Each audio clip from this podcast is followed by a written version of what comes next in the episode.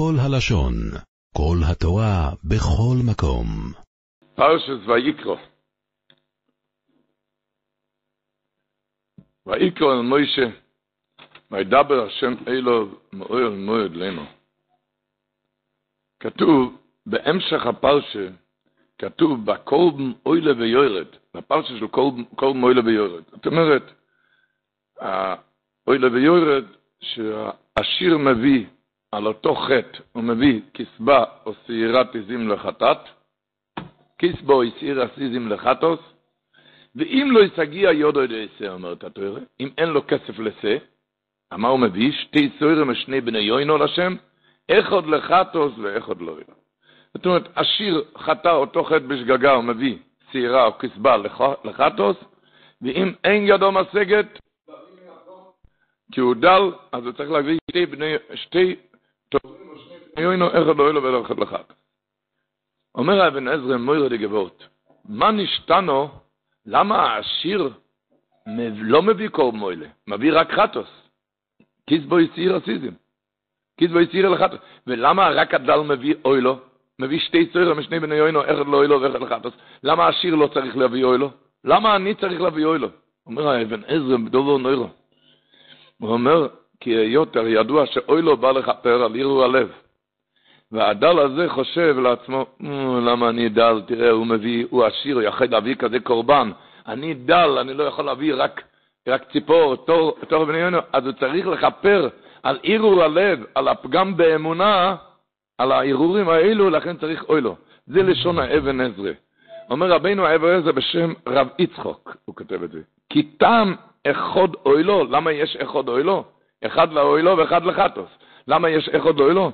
באוויר שלו תגיע ידו, כי היות שהוא עני, אין לו כסף לקורבן, אולי עלה על רוחו מחשבה. אולי עלה על רוחו מחשבה שמה, איזה ירור, למה הקדוש ברוך עשה אותי ככה, תראה, הוא עשיר ואני אני, אני אין לי כסף רק לתורו בן יונה. לכן לכפר את זה, הוא צריך, אוי לו. כי נגד הערעור, נגד הנוגס הבוירה. כי האוי לו מכפרת על ערעור הלב. אז הוסיפו על זה בעצם, בדבר, הרי כתוב כאן דבר מבהיל, כי אנחנו יודעים, הגמור אומרת בקידושין המטס, שעל מחשובו רו אין הקדוש ברוך הוא מצרפה למעשה. על מה שהוא ערער בעבירה הוא לא צריך להביא כפרה.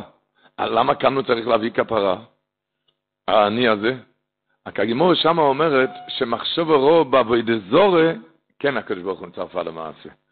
מה שנמצא כאן, שאותו יראו רע נגד הנהגת הבוירה, למה הוא עשה אותי לעני, זה כמו כפירה.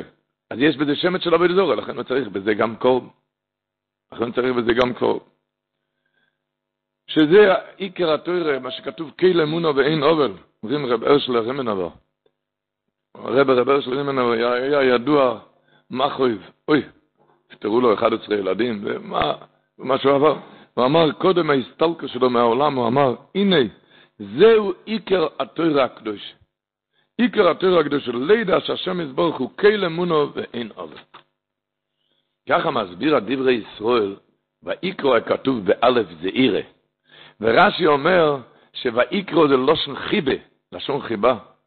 אז הוא אומר, האלף זה אלופו של אילם. אלף ידוע זה אלופו של אילם. אומר, מתי כל אחד שהאלופה של אילם מתראה אליו בבחינת זעירה, בבחינת קטנות, בבחינת נראה כדין לו עלינו, תזכור שזה לא שנחיבה, שהקדוש ברוך הוא זה רק לא שנחיבה. שדי כלעץ הזויס, הקדוש ברוך הוא מתקרב אליו ביותר, לתמוך בו, להחזיקו לבל ליפול. לכן יש כאן, כאן כתוב א' זעירה, כשאלופו של אילם מתנהג אליו בזעירה בקטנוס, נראה לך כדין? אבל תזכור שחיבו רבו יש כאן, ויקרא לא שם חיבו. מה שנראה לך כרוע זה, רק לטויבה. זה רק נראה לך כך. כן, מה ששמעתי, דובר נועה מאיש נובו חוכם ומשכיל. הוא אמר שה, שאחד, הוא אומר שהוא הרגיש מבשורי איך זה לקה, שהתינוק שלו, כן, בן הקטן, בכה באמצע הלילה, הוא רעב, רוצה לאכול. אז הוא רצה להכין לו בקבוק דייסה. אז הוא חיפש את הבקבוק. הוא מצא את זה אחוז בידי התינוק. אז הוא לקח לו את זה מהידיים. כמובן הילד הקטן הגביר את צרכותיו יותר ויותר, למה? כי הוא הבין, מהשכל שלו הוא הבין שלוקחים ממנו את הבקבוק שזה חביב עליו כבבת עיניו. והוא לא מבין שאין כאן לקיחה, יש כאן נתינה. האבא רוצה פשוט למלות לו את הבקבוק.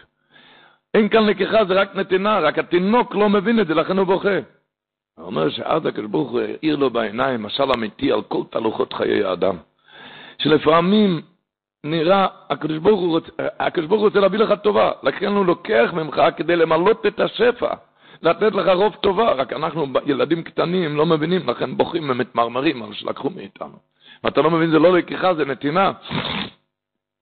זה, זה לא לקיחה, זה נתינה. לדעת בכל דבר שהקדוש ברוך הוא נותן לך. אנחנו לא את הכל מבינים. כמו שאמרנו בפאזל, כשיש חור, אז יש איזה חלק שצריך להיכנס שם. וזה לא סתם חלק, זה חלק מדוד בדיוק, אם חלק אחר כאן לא ייכנס. זאת אומרת, אם יהיה איזה צורת, אם החור היה עשוי בשינוי קצת, אפילו בשינוי קטן הכי, הכי קטן, אז לא יכול להתחבר החלק השני שצריך להיכנס בחור. יש איזה, יש חלק שצריך להיכנס בחור הזה, חלק מדוד. זה תדע לך בכל מידה, אם ידע שכשיש לך איזה חור, שזה מדוד, יש לך מדוד מה שהקדוש ברוך הוא צריך להכניס כאן בחור הזה. ומילא אל תבכה. תפילה כן, אבל לא לבכות. איך אמר החזון איש פעם, להמחיש את זה, הוא אמר, כל אחד יודע שילד שלומד משנייס, הראש הכי טוב, הוא לא יכול להבין גימורי. לא יכול להבין גימורי. אפילו המצטיין הכי גדול במשנייס, הוא חריף, הוא לא יבין גימורי. אותו דבר, החכם הכי גדול בעולם, אין לו שום שמץ והשגה בדרך כי השם יסבורך, אמר החזון איש. כי זה מעל להשגתו ורמתו. איך אמרו, איך אתה רוצה להכניס כזה קדוש ברוך הוא גדול בכזה ראש קטן, בכזה שכל קטן? אז איך אמר, רב לכם סובב ההר, פנו לכם צפוינו. רב לכם סובב ההר, תפסיק לסובב את ההר, לנסות את השם להבין את דרכיו. פנו לכם צפוינו, תתחיל להבין שרבו הצפונות התמונות בכל הנהגת השם בעולמו. פנו לכם צפוינו, אתה מבין שצפון וטמון כאן. סיפר הגויים רב פישל שכטר, מגד משורים בניו יורק, הוא סיפר ככה, כשפייבל מנדלוביץ', הוא הקים עולה של תוירה בניו יורק, אז כשהוא התחיל לפתח את מויסדס התוירה שם, מדובר על סיפור לפני 90 שנה, לפני 90 שנה, אז קיבץ ילדים לתלמוד תוירה, עשה אל תלמוד תוירה, ובסמוך אליו, לרב פייבל, היה גר איזו משפחה יהודית, שהם היו בעבר ירים ושלמים, אבל כשעברו לאמריקה, אז מדובר לפני 90 שנה, שעברו לאמריקה, פרקו מעליהם עול תורה ומצוות. אחד הילדים שלהם, בין, בין הצאצאים, כולם ירדו מהדרך, אבל בין הצאצאים היה ילד שהיה רגיל לשחק עם ילדים של החדר, של רב פייבל מנדלוביץ'. ורב פייבל ראה איך שהוא מתחבר אליהם, אז רב פייבל מוצא אותם בין השורות, אמר לו, אתה יכול לבוא לחדר, והיה לו שם חברים, היה לו שם חברים בתלמוד תורה, אמר לו, אתה יכול לבוא, בקיצור, הילד התרצה והודיע להורים, הוא רוצה להיכנס לתלמוד תורה. תלמוד תורה. וההורים כמובן רצו למנוע ממנו את רוע הגזירה, שייכנס לתלמוד תורה, הם עוד לא רצו, והסבירו לו שזה לא יהיה לו טוב, לא יהיה לו טוב שם, לא יהיה לו... הילד עמד בשלו, לא היה ברירה ביד ההורים, היו צריכים להסכים לדרישתו, להכניס אותו שם לתלמוד תורה. בפייבל מנדלוביץ', הוא הרי הקים את, את התלמוד תורה, היה לו מנהג שכל חודש הוא בא לבחון את הילדים. הוא בא לבחון את הילדים, ותמיד אחרי המבחן היה נותן לכל ילד סוכריה. כמובן, בימים האל, בימים ההם, לפני כמעט מאה שנה, זה היה עיקר המציאות סוכריה. ש... פעם הוא בחן את הילדים וחילק סוכריות, והגיע לתור של הילד הזה, הילד הזה שההורים חילונים, הגיע, הגיע לתור של הילד הזה, אז הוא התנצל בפני הילד המאוכזב ואמר לו שנגמרו הסוכריות, תיכנס מחר אליי למשרד ואני אתן לך סוכריה. אבל הילד התבייש למחרת להיכנס למשרד לדרוש את המתנה, את הסוכריה, ורב פייבל מנדלוביץ' היה טרוד בעסקי המויסדס, שכח את ההבטחה, והילד נשאר בלי כלום, בלי סוכריה. עבר שבועיים, הילד סיפר את זה להורים, כל ה... אז אמרו, ההורים אמרו לו, נו, זה אמרנו לך, שלא יהיה לך טוב כאן בחדר. אבל הילד ביטל את דבריהם, המשיך ללמוד וגדל לתפארת. ברבות הימים הקים דורות ישרים מבורכים, הילד הזה. כשהילד הזה, הוא סיפר, הוא היה בגיל 52. היה בגיל 52, הוא קיבל התקפת לב ודום לב, אחר כך היה באופן חמור בבית חולים, הרופאים, היה אחרי דום לב, הרופאים הרימו ידיים, והם הודיעו לילדים, לבנים, שזה סיפור של כמה שעות שהוא קם בחיים, בינינו. והילדים מיד הגיעו, ולא עבר הרבה זמן, הוא פתח את העיניים, היהודי הזה בגיל 52 פתח את העיניים, הוא התיישב במיטה כאילו לא קרה שום דבר, והוא בריא ושלם. הבן עמד על ידו, אז הוא סיפר לו ככה. אמר לו שהתגלה אליו עכשיו רב פייבל מנדלוביץ' מלמעלה, והוא אמר לו, רב פייבל אמר לו, שקיבל רשות מבית דין של מעלה לפרוע לו את החוב. איזה חוב? סוכריה. אבל אמרו בבית דין של מעלה, מה זה סוכריה עכשיו, בגיל 52, לילד סוכריה זה, זה מחיר. אבל עכשיו תפרע סוכריה? מה, מה זה סוכריה עכשיו? איזה ערך יש לסוכריה ליהודי בן 52? זה לא כשר גוזל. לכן, הוא אמר אז הוא מחזיר לו 15 שנות חיים. מחזיר לו 15 שנות חיים. את הסיפור הזה, פרק פישל, אני אספר לכם בדיוק מתי זה היה. הציבור כאן זוכר, מסתובב לפני שנתיים, היה קורונה, והחתונות היה ככה הייתה איזה קלו שלא יכלה לחזור לעצמה, כזה חתונה, כזה, כזה חתונה. אז אמר, הרב פישל שכטר, המגיד הזה, סיפר את הסיפור הזה לקאלה, ואמר לה שכל דבר שנאבד ונפסד לאדם, חוזר לו בסוף. כמה, איזה טובה גדולה היה לילד הזה שלא קיבל את הסוכריה, ש, ש, ואיזה טובה היה לו שרב פייבל שכח להחזיר לו את הסוכריה, שהיה נשאר לו חוב על 15 שנה. זה למה ללמד על הכלל כלויות, שכל אחד ואחד עם הסוכריות שלו.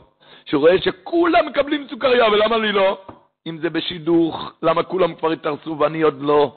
אם זה בילדים, למה אני עוד לא? למה, אם זה בכסף, בכל הדברים. אתה שואל, למה כולם מקבלים סוכריות ואני לא? אל תשאל מה נשתנו, כי אתה עוד תדע, כי אתה עוד תקבל את הסוכריה. באופן השווה פי כמה וכמה. תראה, 15 שנות חיים הוא קיבל עבור הסוכריה הזאת. 15 שנות. זה הפירוש ויקרו. אפילו שא' לא שנחיבו, אפילו שא' זה עירו. זה נראה לך א' זה עירו, אלופה שלא מתנהג אליך בזה עירו, תבין שזה לא שנחיבו. תבין שיש כאן איזה חיבור. וכמו שהחזון איש אמר, שכמו שמי שמביא משנייס לא מבין גמורה, ככה אין לך שמץ מושג, החכם הכי גדול בדרכי והנוגס השם יסבורך. אנחנו לא אין לנו מושג. מסופר שהאליגה דברי חיים היה פעם, הדברי חיים מצאנז, היה פעם אצל הרב רבר של רימנבו. ובתוך שיח סרפי קודש, כשהם עמדו, ישבו ודיברו, נכנסה, נכנס איזה אברך, וזעק בבכי קורע לב לרב מרימנוב, הרב רשל מרימנבו, שהבית שלו, שהיא מקשה ללד, אשתו מקשה ללד, והרופאים הודיעו שאם לא תלד בתוך שעה קרובה, תעלה נשמתה בצער השמיימה, רחמנא ליצלן. הוא בכה, מה עושים כאן? רבי של רימנר שקע במחשבותיו, ככה סיפר הדבר חיים מצאנס. רבי של רימנר שקע במחשבת, ואחר כך נהנה לבן אדם ואמר לו, אם תיתן לי פדיו מסך עשר זהובים, עשר זהובים אני אברך אותך בישועה. עשר זהובים זה היה אז כמו היום מאה אלף דולר לפחות. הבן אדם נבהל, אמר, מאיפה יש לי עשר זהובים? אני עוני ואביון, אני לא מכיר בצורת מטבע. אמר לו, רבי ימנה בן חוסה, אמר לו, לך תמכור את התכשיטים של האישה, ותקבל כמה זהובים, אחר כך תמכור את הרהיטים של הבית, יהיה לך עוד כמה זהובים, ושאר הכסף תלווה מיהודי העיר, תקבץ ויהיה לך. והבעל יצא מהחדר של הרבי רבי של רימנה וחופוי רויש בלב דואג ודואב. מה עושים כאן? מצא אותו הדברי חיים מצאנז, מצא אותו בחוץ, ונחמרו רחמיו על היהודי האומלל הזה. הוא יצא מהחדר, הוא לחש באוזני היהודי הזה, אמר לו באוזן, אל דאגה, אני אתפלל בעדך בלי פדיון האמור. אני אתפלל אותך גם בלי הפדיון האמור, ולא עבר הרבה זמן, והיה מיד אחרי חצי שעה, ונולד בן זוכר למזל טוב. עבר שבע ימים, קרה מקרה נורא, שהיולדת שבקה חיים לכל חי, לא עלינו, נפטרה.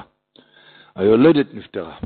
אז נענה הדברי חיים ואמר, מדוע הוצרכתי להכניס את הראש שלי בעסקי הרב, הרב מרימנוב? העיניים שלי, עיניי, העיניים שלי ראו את הלידה, שיהיה באותו שעה למזל טוב, אבל העיניים שלו ראו מרחק יותר ממני. הוא ראה שאין לה יותר שנות חיים, והוא רצה לבטל את הגזירה, להפוך אותה לעני חשוב כמת. הוא רצה, הוא ראה מה שהולך לקרות עוד שבוע, וממילא הוא רצה להפוך את הגזירה, להמיר את הגזירה, והפוך אותה לעוני חושב כמס, לכן הוא אמר לבעלה להביא עשרה זהובים, והייתי צריך לבטל דתי לדעתו, ולתת לאברך הזה להתאמץ יותר מכדי יכולתו, ולהשיג אותו סכום, וככה הרב היה ממתיק את הדינים על ראש היולדת, והייתה נשארת בחיים.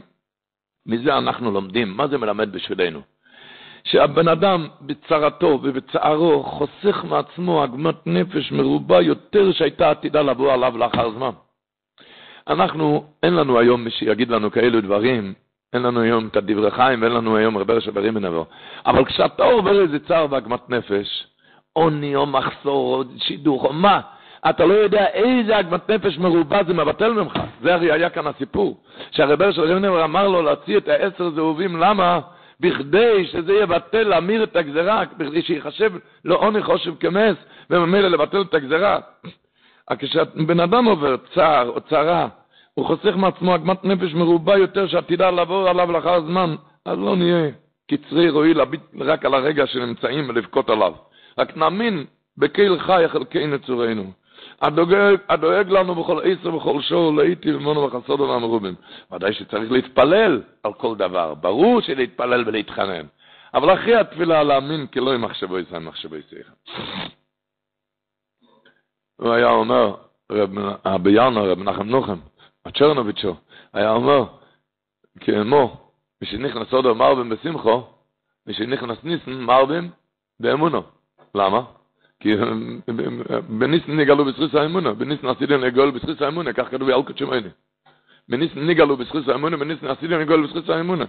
היום אתם יועצים בחודש האוביב, כותב שם הנציב, על המקום, בפרשת בוי, כותב הנציב בעמק דובו, הוא כותב שבחודש הזה אין צריך להרבות בחודש ניסן בפעולות להשרשת האמונה, אלא די בהכנה מועטת. כי היום זה מרבים באמונה. וממילא, כשאנחנו נתחיל להכניס קצת לראש, מה זה אמונה, מה זה לא שכיבה, מה זה נקרא מה שהראש כותב באורך חיים, אוי סמכתס, רצי באשר ירצה יוצרך. רצי שתתרצה במה שהיועצר רוצה, מה שהקדוש ברוך הוא רוצה. עוד פעם, כמו שדיברנו, להתפלל, יהודי צריך להתפלל תמיד על הכי טוב, על הכי טוב. רב שמואל רוזובסקי אמר, שמח תשמח ראם אהובים, כשמחך הוא יציחו בגן עדן מקדם, כמו עוד אומרישן קודם החטא.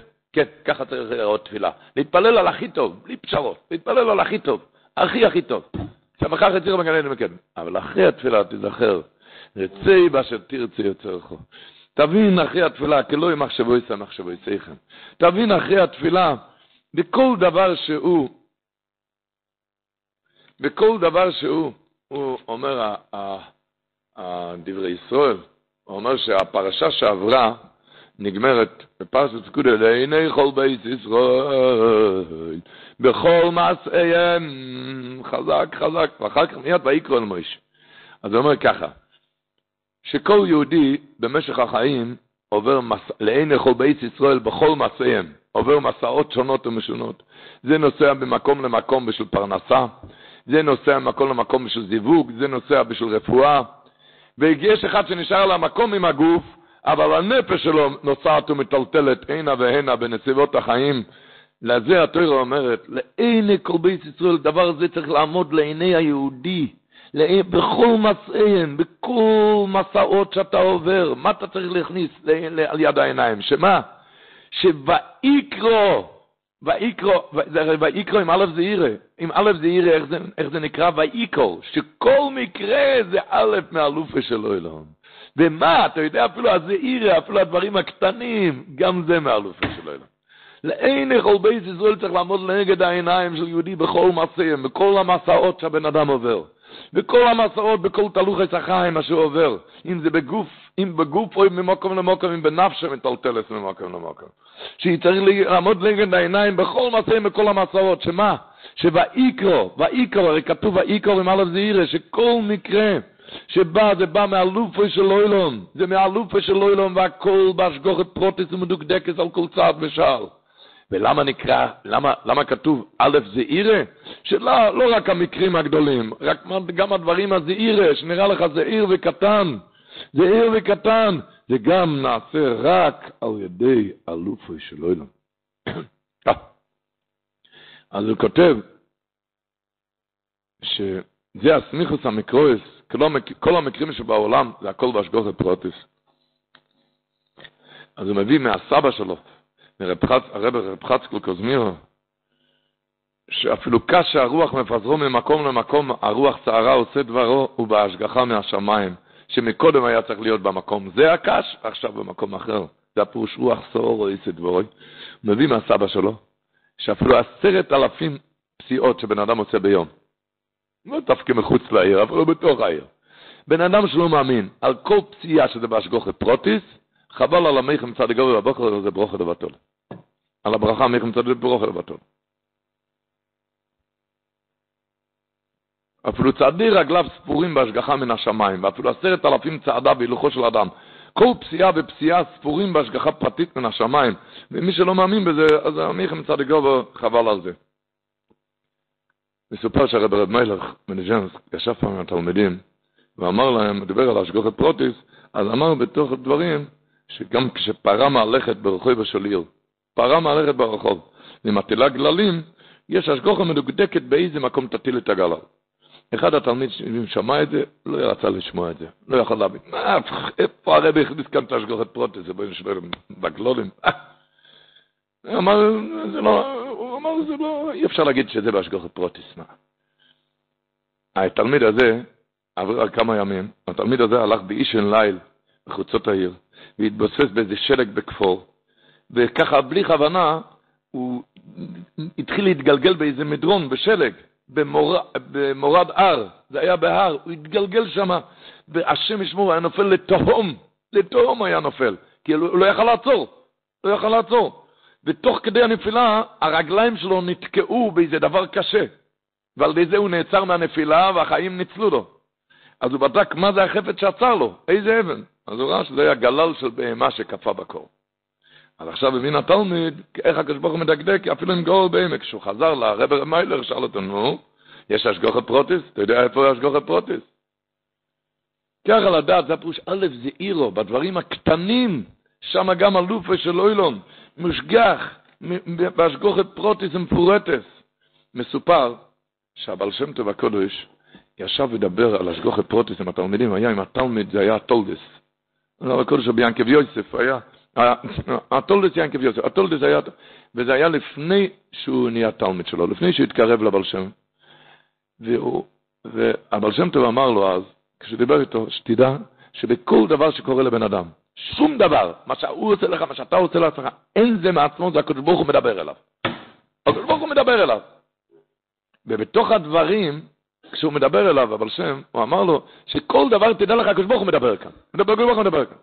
ותוך כדי השיחה, נכנס איזה גוי, והוא היה מתקן כלים. הוא תיקן כלים. ודפק בדלת ואמר לו, סרוליקל, סרוליקל. צעק לבעל שם טוב, סרוליקל, יש לך משהו לתקן?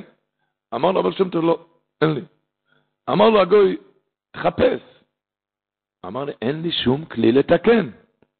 אז אמר לו, סרוליקל, סרוליקל, אם תחפש טוב אתה תמצא. לך תחפש.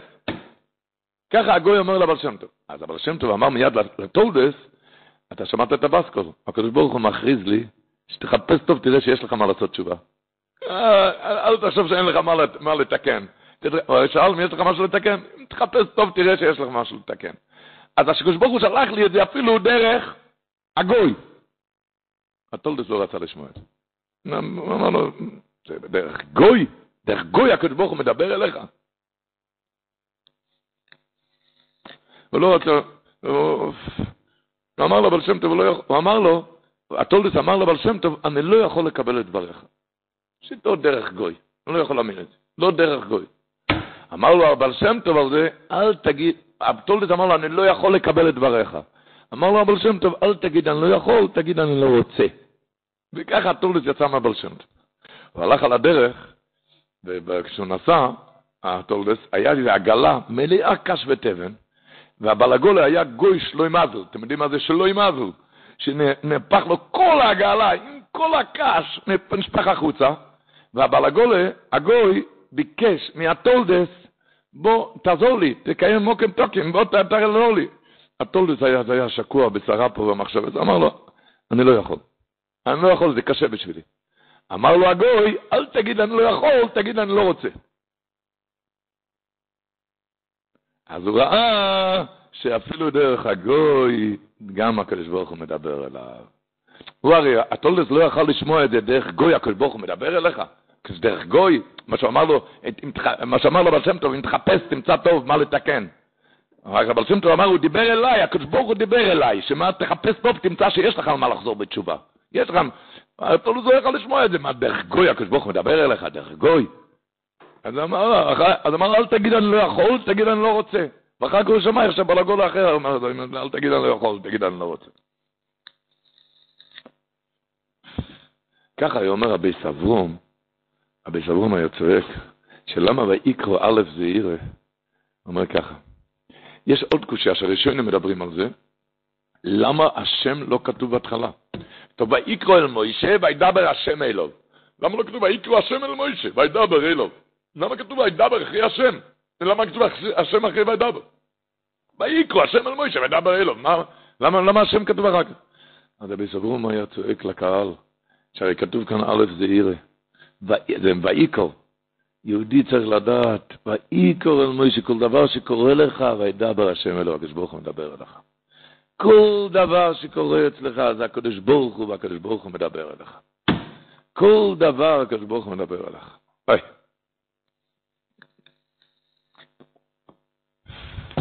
זה קריאה מהקדוש ברוך הוא.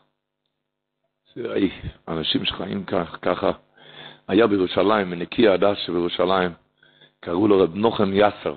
קראו, קראו לו מנחם יסר, הוא היה רב לפני כן ביאס, שם הוא היה, שם היה פויסק, יהודי שידע ש"ס ופוסקים בעל פה. אחר כך הוא עלה כאן, הוא היה מנקי הדס שבירושלים, רב נוחם יסר. והיה עוד אחד מנקי הדס, שקראו לו רב נוטה ציינברט, היה הרבה יותר צעיר ממנו. פעם הוא קם בבית מדרש בבוקר, רב נוחם יסר אמר לרב נוטה ציינברט, נוטה, חיין גט, הבאס גול בנימר. אמר לו, נוטה, היום שבתי באס גול מהשמיים. רב נוטה פיחד מאוד שצריכים כאן, משהו קרה כאן. מי ששומע פתאום ביום שלישי בסקול, צריכים לקחת אותו למישהו. אז שאל אותו, נוחם, מה קרה? הוא התחיל לצעוק לו, שמעתי בסקול מהשמיים. נוחם, מה קרה? פור הצידה. לא, לא, בסקול. עכשיו, מה היה בסקול? בשקט, מה היה בסקול? הקדוש ברוך הוא דיבר אליי. מה הוא דיבר אליך? אמר לי, נוחם, יש לי בשבילך תפקיד. מה? לחפש את הנעליים. למה? כי הנעליים נעלמו לי. וזה לא סתם נעלם. היה לו, היה שם אחד בבית, לא עלינו, שהוא לא היה, לא היה כל כך בדעתו, והוא העלים את זה. ההוא לא היה כל כך בדעתו שלם, לא היה שלם בדעתו, והוא העלים את זה. אמר, היה לי בז כל מהשמיים. מה? נוחם, יש בשבילך תפקיד. מה? לחפש את הנעליים. למה? כי נעליים נעלמו לי. אמר, אחרי עשרים דקות שמעתי עוד פסקול. מה הבסקול השני? אמר לו, נוחם, נגמר התפקיד. למה? כי מצאתי את הנעליים. בני אדם מסתובב, אצל מישהו אחר היה קורא לפנות בוקר איזה בסקול אחר. היה קורא על כאלו, על כאלו סיפורים, אה? ככה מדבר בן אדם עם בסקול. הקדוש ברוך הוא מדבר אליי, הוא רוצה ממך תפקיד עכשיו לחפש את הנעליים. אבל אני ממהר לשיעור, אני ממהר. צריכים באמת למהר לשיעור, זה לא צחוק. צריכים למהר לשיעור. הקדוש ברוך הוא יש לו תפקיד בשבילך, אל תכעס על אף אחד. ידע בהשם אלו. לדעת את זה שהקדוש ברוך הוא מדבר אליך. דרך שרשום את אומרו, ש... ש... כתוב בפרשת ויחי, ויקרו יעקב אל בונו ויאמר אוספו ואגידו לכם את אשר יקרו אצכם באחריס היומים. הכתוב שם, אוספו ואגיד לכם את אשר יקרו, כתוב אשר יקרו עם א', למעשה שם מגיע A, אשר יקרו, המקרה, מה שיקרה איתכם באחרית הימים, צריך A, למה כתוב א'? אז שום מסובר, ינקב בן אמר להם, אשר יקרו, הקדוש ברוך הוא קורא, זה לא כשקורה כאלו דברים באחרית היום, הקדוש ברוך הוא קורא. אין, אין מקרה בעולם, אין מקרה בעולם, הקדוש ברוך הוא קורא עם א'. ככה רבי ינקלה גלינסקי אומר אותו וורט, כתוב שיינקב אבינו אמר לאחים, כשרצו להוריד את בניומן, כתוב לא ירד בני עמוכם. למה? כי אוכיב מייס, והוא לבדו נשאר, וקראו אוסוין בדרך. ואם יקרה לו אסון בדרך, אז כתוב וקראו ווב קוף ריש א' ה' ווב. כל אחד יודע, מקרה כותבים וו קוף ריש ה' וו. וכאן כתוב ווב קוף ריש א' ווב. מה זה? אמר, קראו אסון, כשקורא אסון, הקדוש ברוך הוא קורא. זה בכל דבר הקדוש ברוך הוא קורא. המעניין הוא אומר, כשהם סיפרו את זה לאחי, ליוסף הצדיק, הם לא ידעו שזה יוסף הצדיק, הם חשבו שזה גוי. אז אמרו לו, שהאבא אמר, כשיהודה סיפר לו, מה האבא אמר?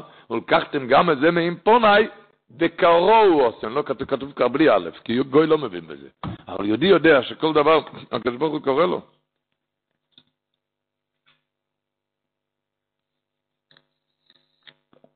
כשיהודי יודע, שלא נדע משום צער, כן?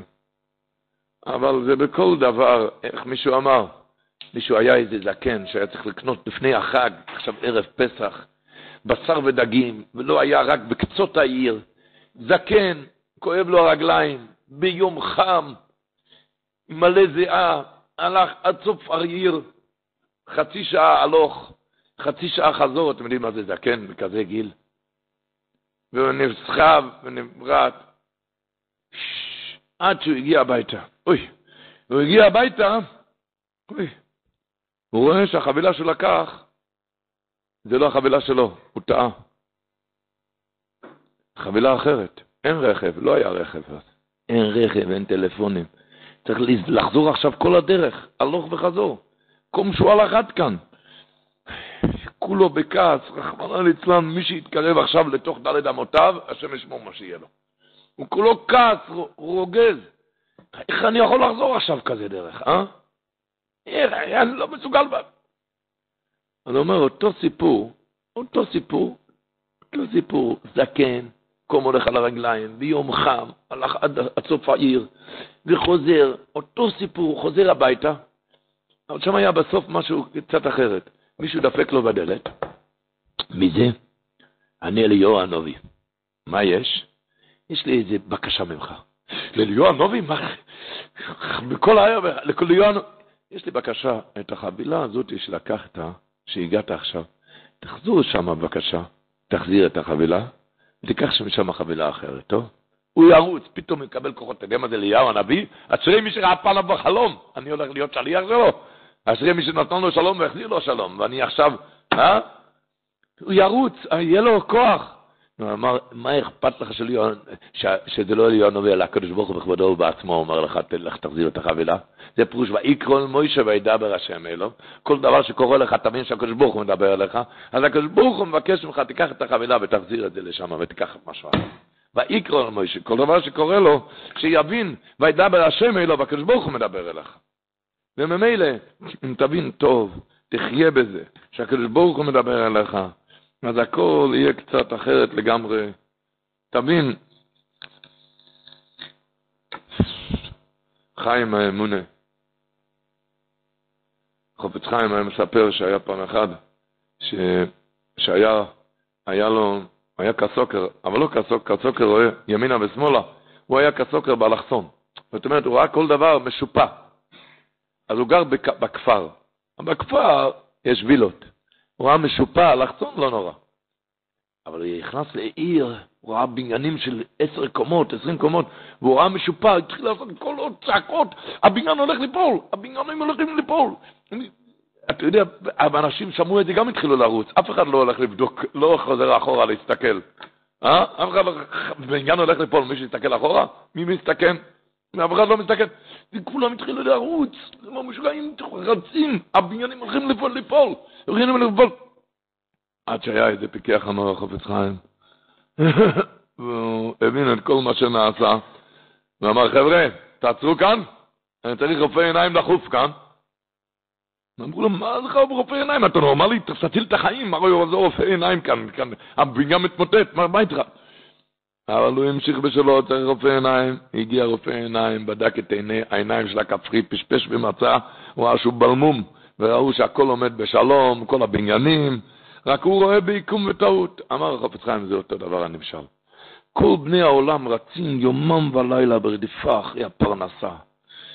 וכיוצא בהם משאר שטויותיהם, לא רק פרנסה, בכל השטויות שבעולם, שרצים, רצים, רצים, ולא מבינים שהכל, למה אני רץ? כי כולם רצים. רואה, כולם רצים, אני גם רץ. אומר, סליחה, רופא עיניים, רופא עיניים, את העיניים של האמונה, עיניים של האמונה, הכל הקדוש ברוך הוא עושה. הם חושבים שהעולם עקום, למה? כי הוא רואה עקום, אתה מבין? יש לו עיניים, הוא פוזל בעיניים, אז הוא חושב שהעולם עקום. צריכים רופא עיניים, כולם רצים, למה? כי כולם רצים. הוא רואה כולם רצים, אז הוא גם רץ. תפקח את העיניים, תבין כי יושר דבר השם, תבין שהכל מונהג מלמעלה. איך סיפר רבי ינקה לגלינסקי, שהאימא שלו היה, היה שם בטוקבלט, זה היה עיתון ברוסיה, שהיות המשכילים שם היו מוציאים עיתונים בשביל אה, להכניס שם אסכולה, להכניס דברים לא טובים. אז אה, האימא שלו הייתה אומרת שיעור כל שבוע בעיתון בשפה הגרמנית. כל החדשות, כל החדשות. בקיצור, התאספו שם נשים בסלון, וכבר היה, הוא זוכר שהאימא שלו כבר אה, הייתה במטבח, זה היה ביום חמישי, קילצו תפוחי אדמה לקורית שבס, והעיתון היה על השולחן, והנשים התאספו, ונשים התאספו, ואחד האנשים רצה לתוך המטבח, צעקה לאימא שלו, איך את מקלפת עכשיו תפוחי אדמה? קרה כזה דבר חמור, מה היה? אונייה נהפכה, אונייה נהפכה. מה היא שראתה שם בעיתון? שאונייה נהפכה. אז היא נכנסה מיד לסלון, האימא, והיא ראתה שמה? ש... או, ש... שלא לא אונייה נהפכה, מייצרים, כתוב בעיתון שמייצרים עכשיו אונייה חדשה, מיוחד. רק למה היא חשבה שהעיתון, שהאונייה נהפכה? היא החזיקה את העיתון הפוך. היא לא ידעה לקרוא, לא ידעה לקרוא, כמו שאני אקרא שפה ספונגנית. לא ידעה לקרוא, ומילא החזיק את העיתון הפוך. ולכן היא חשבה שהעיתון נהפך. אז אמר, זה לימד אותו, שאחד שלא יודע לקרוא דרכי השם, הוא חושב שהאונייה נהפכה. אחד שיודע לקרוא, יודע, מכנים לך עכשיו אונייה חדשה. אחד, שיודע לקרוא, אחד שלא יודע לקרוא אמונה, אני מאמין, דברי אמונה, אז זה נראה כמו שאני קורא ספניאני, הוא חושב שהאונייה נהפכה. אז זה בגלל שאתה לא יודע, דרכי השם, אחד שיודע לקרוא אמונה, יודע שמייצרים לך עכשיו אונייה חדשה, זו הייתה אונייה משוכללת מאוד. וידבר השם אלו. וידבר השם אלו, מאוהל מועד לימו. מה שכן, כל יהודי, מה שאת הכוח שיש לו, מדבר לקדוש ברוך הוא. מדבר לקדוש ברוך הוא. בפרט, אנחנו נכנסים לכאלו ימים גבוהים, שהחודש הזה לכם ראש חודשים, חודש ניסן, כתוב בשלה הקדוש, החודש הזה לכם ראש חודשים, שבכל החודש יש קדושת ראש חודש. החודש הזה לכם ראש חודשים. כל החודש זה כל יום כמו ראש חודש. השלו הקודש אומר את זה. ככה אמר המגיד לביס יוסף, לביס יוסף היה מגיד שלמד איתו, מלאך שלמד איתו, כתוב בפרשת אמור, שאמר לו, והנה איתך אייס דוידים, אייס דוידים זה אייס האב, אייס דוידים, אלו היומים הקדושים של חודש ניסן. הימים הקדושים של חודש ניסן. ימים קדושים, חודש אשר בו ישועות מקיפות, ידוע מה שצדיקים היו אומרים, אשר בו ישועות מקיפות שאפשר לקחת ישועה בהקפה. מה פירוש בהקפה? אפילו אם אתה לא שווה. אפילו אם בן אדם לא שווה, כי אז היה ביציאת מצרים גם על מה הקדוש ברוך הוא הוציא את עם ישראל ממצרים, אפילו שהם היו במ"ט שערי טומאה, אפילו הם לא היו שווים את הישועה. למה הוציא אותם? כי ביציאך או ממצרים תעבדו את אלוקים על האור הזה. זאת אומרת, הוציא אותם בהקפה, הביא להם ישועה. והקפה בזכות קבלת התורה שיקבלו אחר כך, זה מתעורר, הזכות הזו מתעוררת, אומר הישמח ישראל, בכל שנה בקודש חודש ניסן, הקדוש ברוך הוא פועל ישועות על סמך הזכות שנהיה אחר כך זכאים. אפילו אני עכשיו לא זכאי לישועה, הקדוש ברוך הוא שולח לי ישועה על סמך זה שאני אהיה אחר כך זכאים. הוא מלווה לנו בחודש הזה ישועות על סמך הזכות הזאת.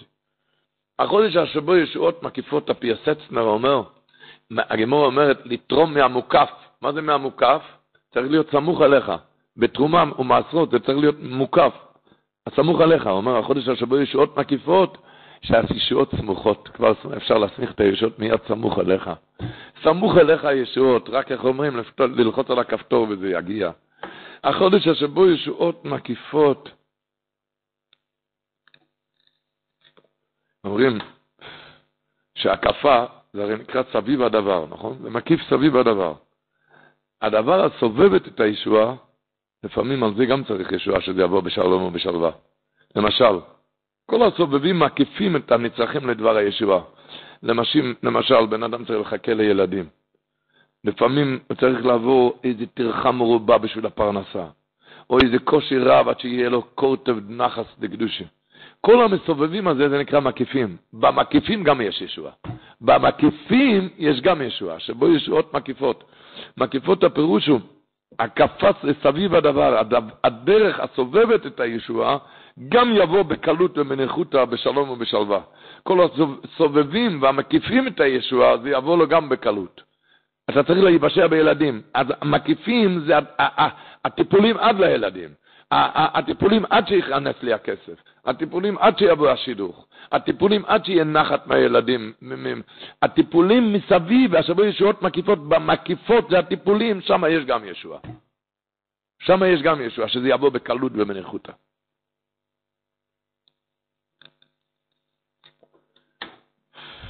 זמנים גבוהים מאוד, זמנים שכידוע,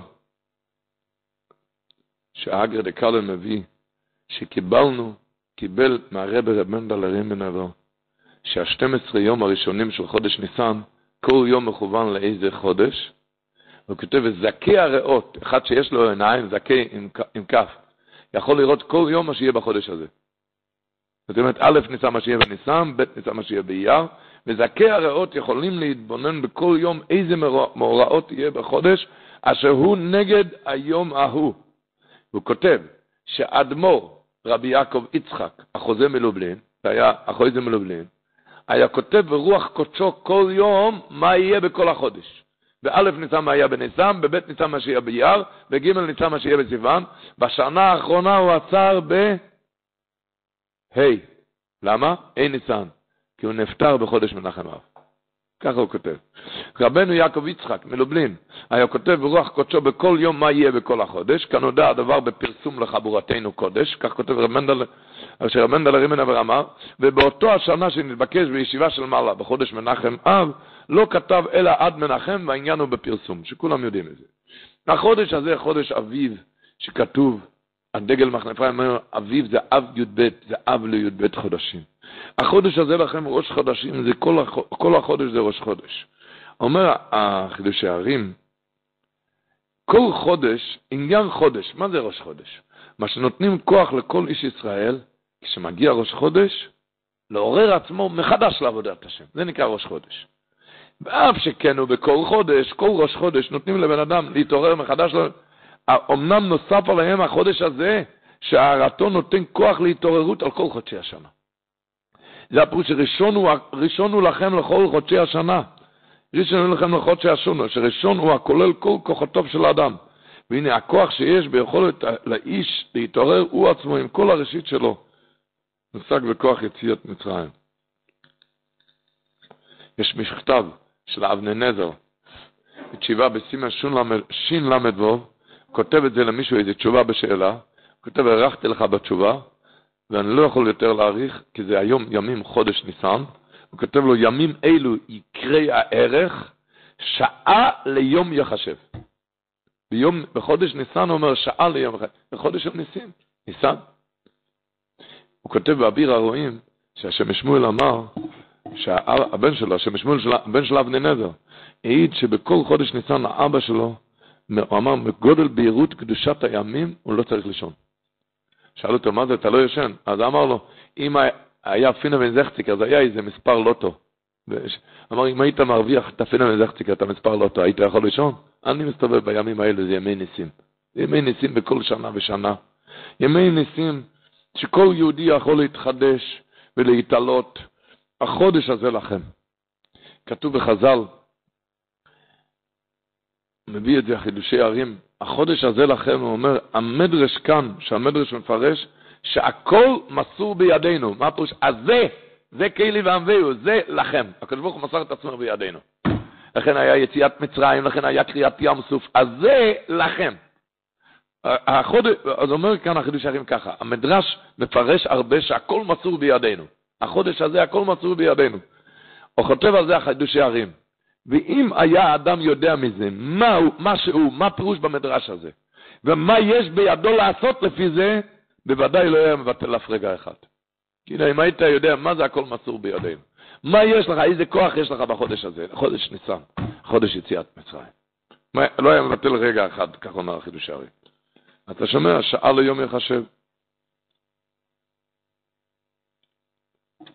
כמובן, זה חודש שגם מפשלים קצת את השרוולים, התכונן, שאיך היה אומר הרב רב ברוך הוא אמר, ועובדת את העבודו הזויס בחודש הזה. לא, אני רוצה פשוט, עבודה שצריך לעשות, זה צריך להיות עם שמחה.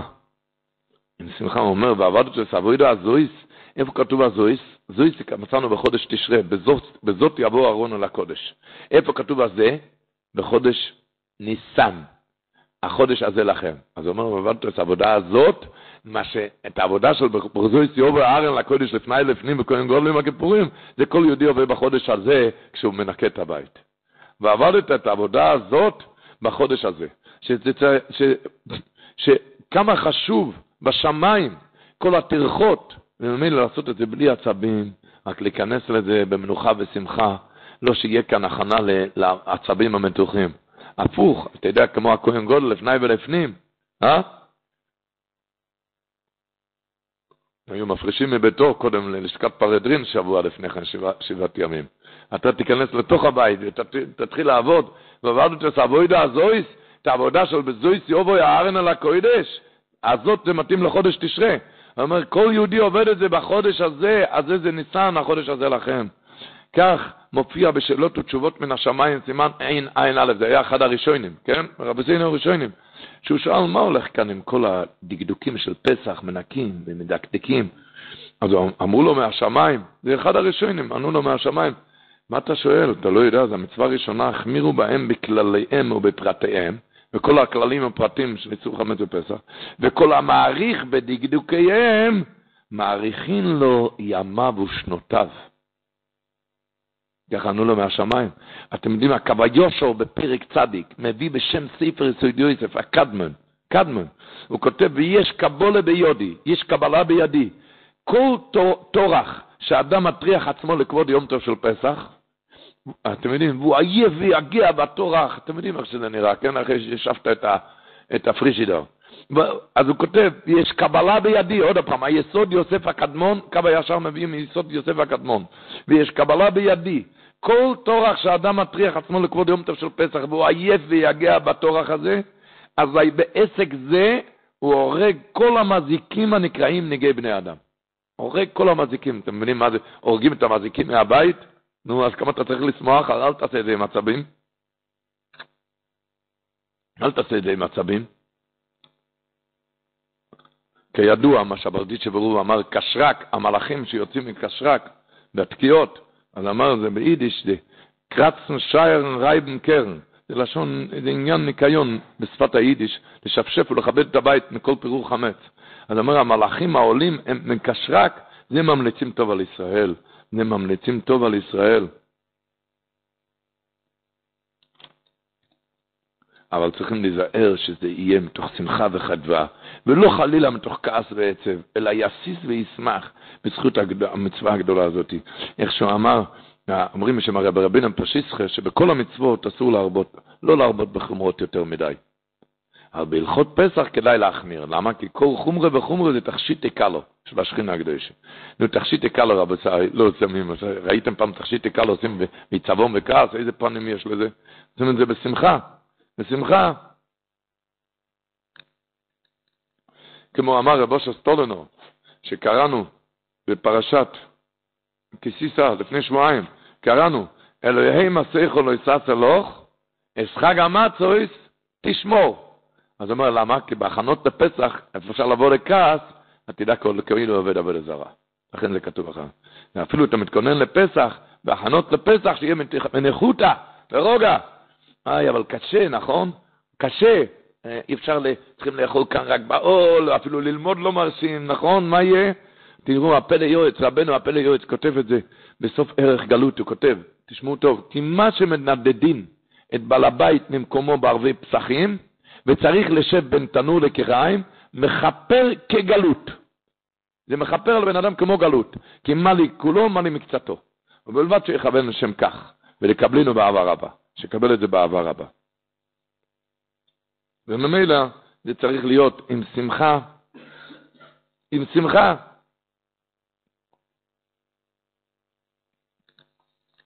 לא כמובן עם... איך היה שם, הרב פולנסקי, היה טפליק, הוא פויסק גדול, הרב אוזנר היה תלמיד שלו. והוא היה גם פויסק וגם דאג לכל עניי ירושלים. בקיצור, הוא נכנס פעם בערבי פסוחם לבית מדרש, כמה ימים לפני פסח ראה בית הכנסת מלא, והוא ידע שם שזה אברכים שגם רצו קצת להתפטר מהבית, אז הם רצו לבית הכנסת. הם לא רצו, לא רצו לעזור בבית, לא רצו. אז הוא עלה על הבימה ודפק, אמר, אתם יודעים, ידעו כולם שהוא עושה גם עם אלמנות, ואמר, יש לי כאן רשימה של אלמנות, מי, רוצה, מי שרוצה להתנדב, ללכת לנקות, שיעלה, ייכנס אליי לחדר. כן? היו צריכים להיכנס אליו לחדר, כל אחד היה צריך לקבל פתק לאיזה דירה ללכת, לאיזה רחוב. אז כשכל אחד נכנס, הוא נתן לו את הרחוב שלו ואת הדירה שלו. איפה שהוא גר. לך תטפל בבית שלך. כאילו, הרבה חבר'ה יודעים לעשות, בפרט בערב פסח, לעשות חסד עם אחרים, ולא יודעים בבית שלך, שם עזוב תעזוב, אמו, שם תעזור, מבשרך לא תתעלם. Hmm? יודעים, אומרים מישהו הלך לרחוב, ברחוב, הוא ראה מישהו קורע תחת מסע, או, הוא רצה ללכת לעזור. אבל הוא ראה שזה הבית שלו, אז הוא הניח גם את הטלס הטפינו שם על, על החבילה. הניח שם גם את הטלס הטפינו. איך הוא אמר שיש אחד שהוא בעל חסד גדול בחוץ, אבל בבית, בבית לא. אמר, זה ממש בעל חסד כמו אחשוורוש. לכולם הוא נתן לעשות כרצון איש ואיש. את אחד, את ושתי הוא הרג. את ושתי שלו הוא הרג. זה בעל חסד כמו אחשוורוש. איך היה מישהו נכנס לאחד מגדולי הדור ושאל, שהיה לו שמח בבית, הוא רב בבית, המריבה, הם צריכים לנקות בין הבלטות. אתם רואים כאן בין הבלטות? הוא צעק שהיא צריכה לנקות שם. והיא אמרה, לא, שם לא מנקים. הוא צעק שכן. בקיצור, נחזור לגדול הדור לשאול.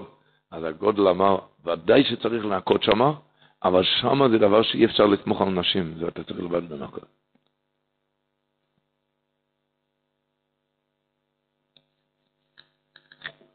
לא יודע מה, מה ש... לא, לא יודע מה שצריך לנקות, לא באתי כאן לפסוק. הוא אמר, אה, הוא, הוא רצה להדר את זה, אמר לו הגודל, כן, זה הידור גדול, אבל כזה הידור אי אפשר לצמוך עליה, זה צריך...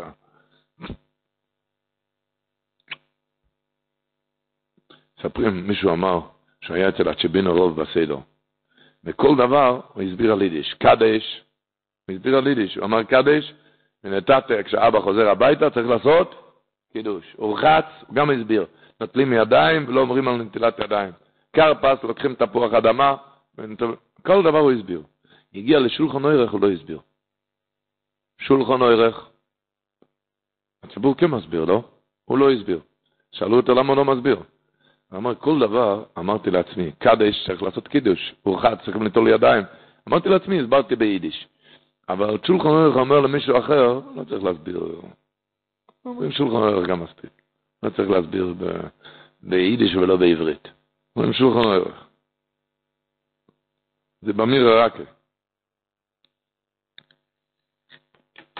על העבודות הקדושות האלו, שעליהן נאמר, אוי, כשיהודי יודע, כשזה הולך עם, עם, עם שמחה, עם שמחה, ועם... היה מסופר שרבנות יצאינברט יצא פעם, אבס מדרש בימים לפני פסח, הוא ראה שהציבור התלונן ככה על קודשי השיבוד. התלוננו על קודשי השיבוד, היה לפני פסח, היה קשה להם. ואמר להם, רבו ישראל, מנהג אבסינו בידינו, לעשות יום תפילה ותענית על כל צרה שלא תבוא. היות שהתרגשה איזה צרה כאן, קוראים לזה ערב פסח, אז צריכים צריך להכריז על יום תפילה. מה הוא רצה להגיד? להגיד להם טיפשים, אתם רצה להרגיע את הרוחות הסוערות. ת, ת, תבינו שצריכים לעשות את זה בשמחה, בשמחה. זה מגרש את המזיקים מהבית? זה התכשיט לו? זה מגרש את המזיקים מהבית? מה יש? אתה יושב בין תנור לקריים, אומר הפליואי, זה מכפר כמו גולוס? אז איך אמר? חגים וזמנים לששון. מה זה חגים? חגים זה מלשון יחוגו וינועו כשקור. כל המחוגים שאתה בערב פסח ככה, הזמנים מסובבים ומעורבבים, שהסיבובים האלו ברחובות העיר לצורך החג, וכל ההכנות, היחוגו הזה, חגים וזמנים, שזה גם יהיה לששון. בששון ובשמחה תעשה את החג. את המחוגים תעשה לששון. כשראשו סחרחר ומסובב מרוב טרטות היום והסיבובים ברחובות לצורך המועד, שגם תהיה בששון ושמחה. כמובן לעשות את זה בשמחה. איך רב חיים חייק למדורי אומר על פרשת השבוע, הוא אומר שכתוב בפסוק ככל צעור וכל דבש לא יסקתירו ממנו איש אל השם. אז הוא אומר, שעור מרמז על גאווה, כי זה גורם לעיסה שיהיה תופח ועולה, תופחת ועולה. דבש מרמז על כעס, למה? כי דבש זה דבש דבורים, סתם דבש זה דבש דבורים, ככה אומר גמור בן הדורים נ"ג. דבש זה דבש דבורים, ודבורה יש לזה אקס, זה ארס. אקס אותיות כעס. עין כף סמך. אז הוא אומר, כחול שאור זה גאווה, דבש זה כעס, לא תקטירו ממנו אישה אפילו לשם שמיים. לא, לא ייתן ממנו להשם. זאת אומרת, אפילו כשצריכים לקנות קנת השם צבקות בלי כעס. כי אין שום דבר טוב יוצא מהכעס. כל גאווה וכל... אחסם סופר אומר וורט נורא. הוא אומר, מצות תאכל במקום קדוש. הוא אומר, קדושה זה הדבר הכי, הכי גדול. קדושה, קדוש, אין יותר גדול מזה. קדוש. הוא אומר, יש דבר יותר גדול. מה זה? מצה זה אוכל במקום קודש. מצה זה מידת הענווה וההכנעה, שבן אדם יסובל הכל. שיסבול הכל, מצות, הכנעה, מצות, הכנעה, ענווה, זה במקום קדוש במקום קדושה, וזה עוד יותר גדול, למה? כי בחצר אוהל מועד יאכלו, הם מקבלים על זה שכר בחצר כאן בעולם הזה. למעלה זה אוהל מועד, כאן זה חצר. על זה מקבלים שכר בעולם הזה. אז עוד פעם, הוא אומר, קדושה זה הרי הדבר הכי גדול, אבל תדע שיש דבר שזה כמוהו ויותר. מה? מצות. מצות זה ענווה והכנעה. שבן אדם יסבול את הכל. זה גדול יותר מכל הפרישות שבעולם. זה יותר גדול מכל הפרישות שבעולם, זה מכונה במילה קדוש.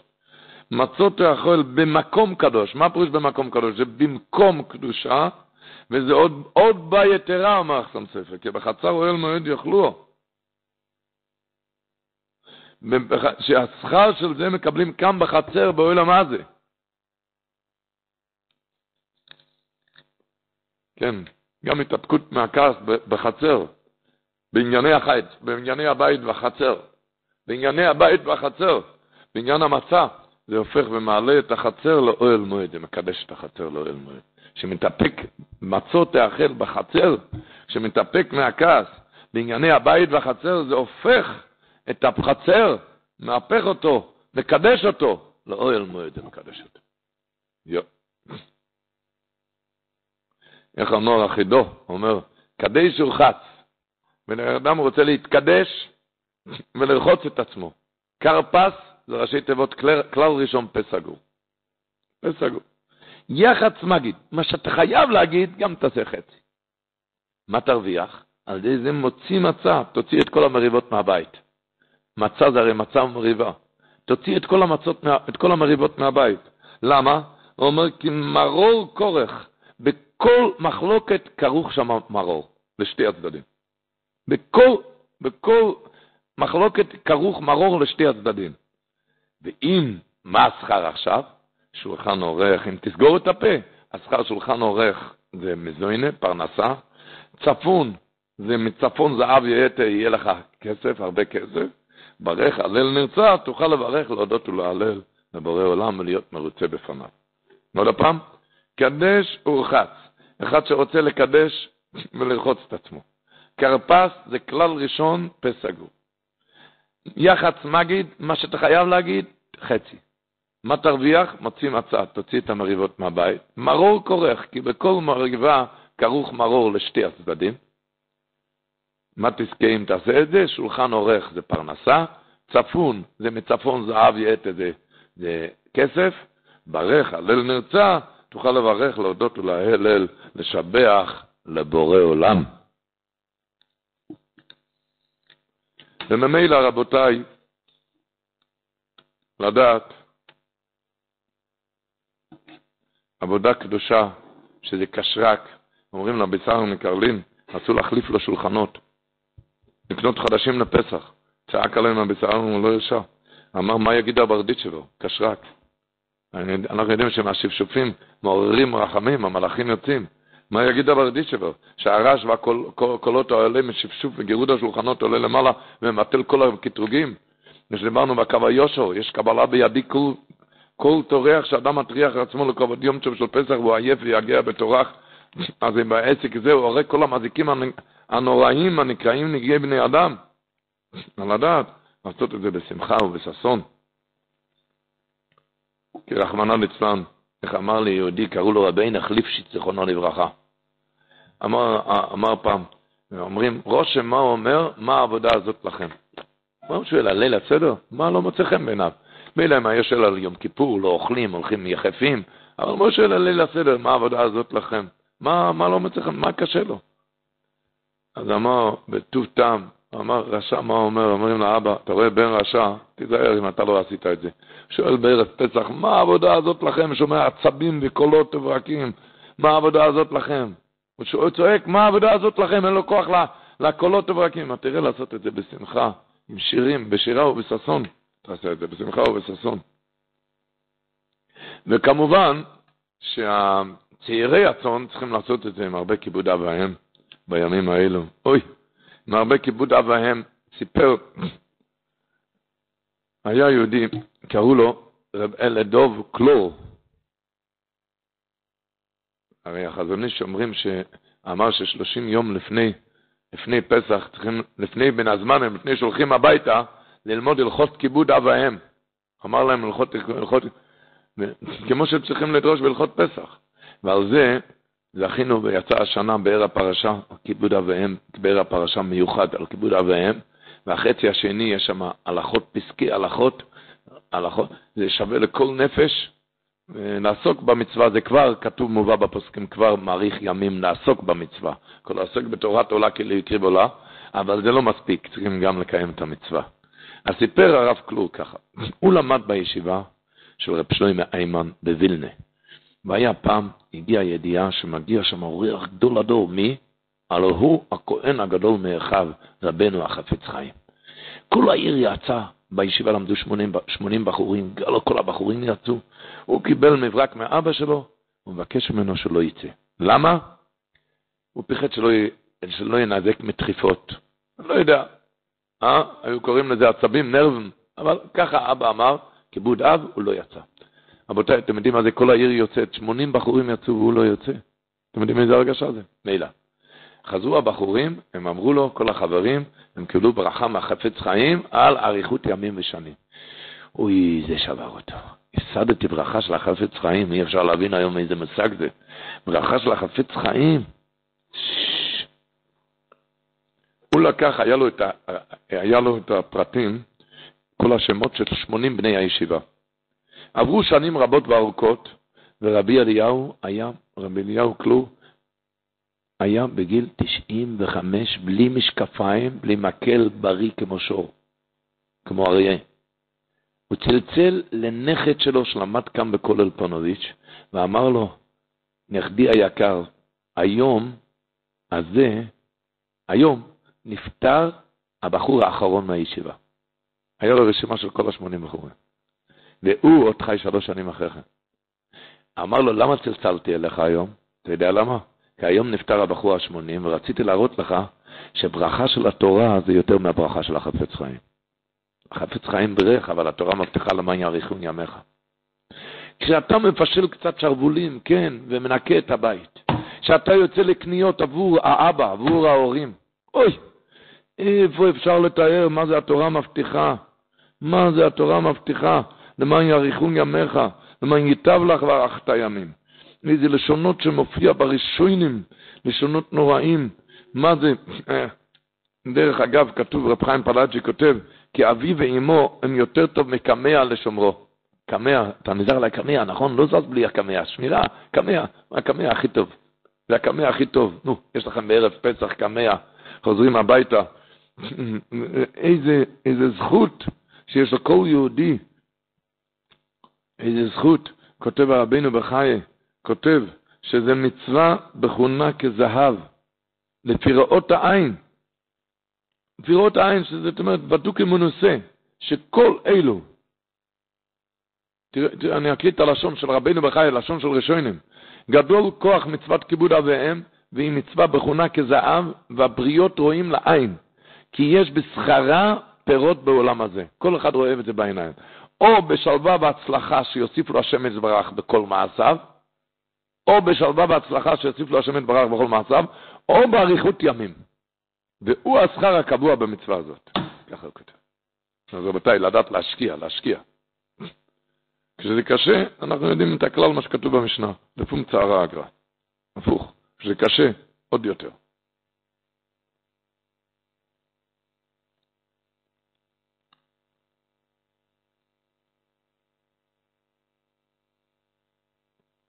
כבר לא מדברים, רב חיים קניאבסקי היה אומר, ויבא לאביו, שכתוב, כשהוא הביא ליצחק אבינו את המאכלים, כתוב, ויבא לאביו. אז אמר, תסתכל את זה, חזור זה גם ויבא לאביו. תכתבו את זה, תראו, ויבא לאביו.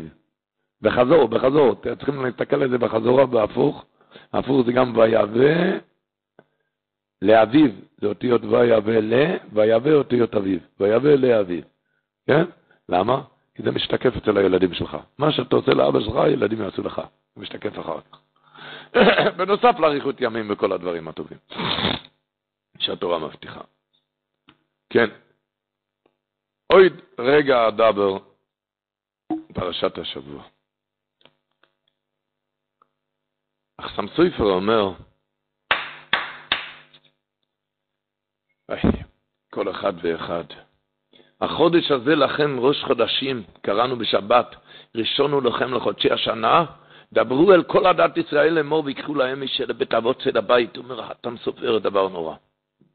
למה הוא התחיל, החודש הזה לכם ראש חדשים, ראשון הוא לכם לחודשי השנה, אחר כך דברו אל כל עדת ישראל לאמור ויקחו להם איש של בית אבות. למה הוא לא התחיל מיד, דברו אל בני ישראל, ואחר כך החודש הזה לכם ראש חודשים. עוד פעם. ויאמר השם אל משה ולאהרון בארץ מצרים. מה? החודש הזה לכם ראש חודשים ראשון הוא לכם לחודשי השנה. אחר כך דברו אל כל עדת ישראל לאמור ויקחו להם איש לבית הבוצה לבית. שואל לך חתם סופר, דברו אל כל עדת ישראל היה צריך להיות כתוב לפני החודש הזה לכם ראש חודשים. דברו אל כל עדת ישראל לאמור החודש הזה לכם ראש חודשים.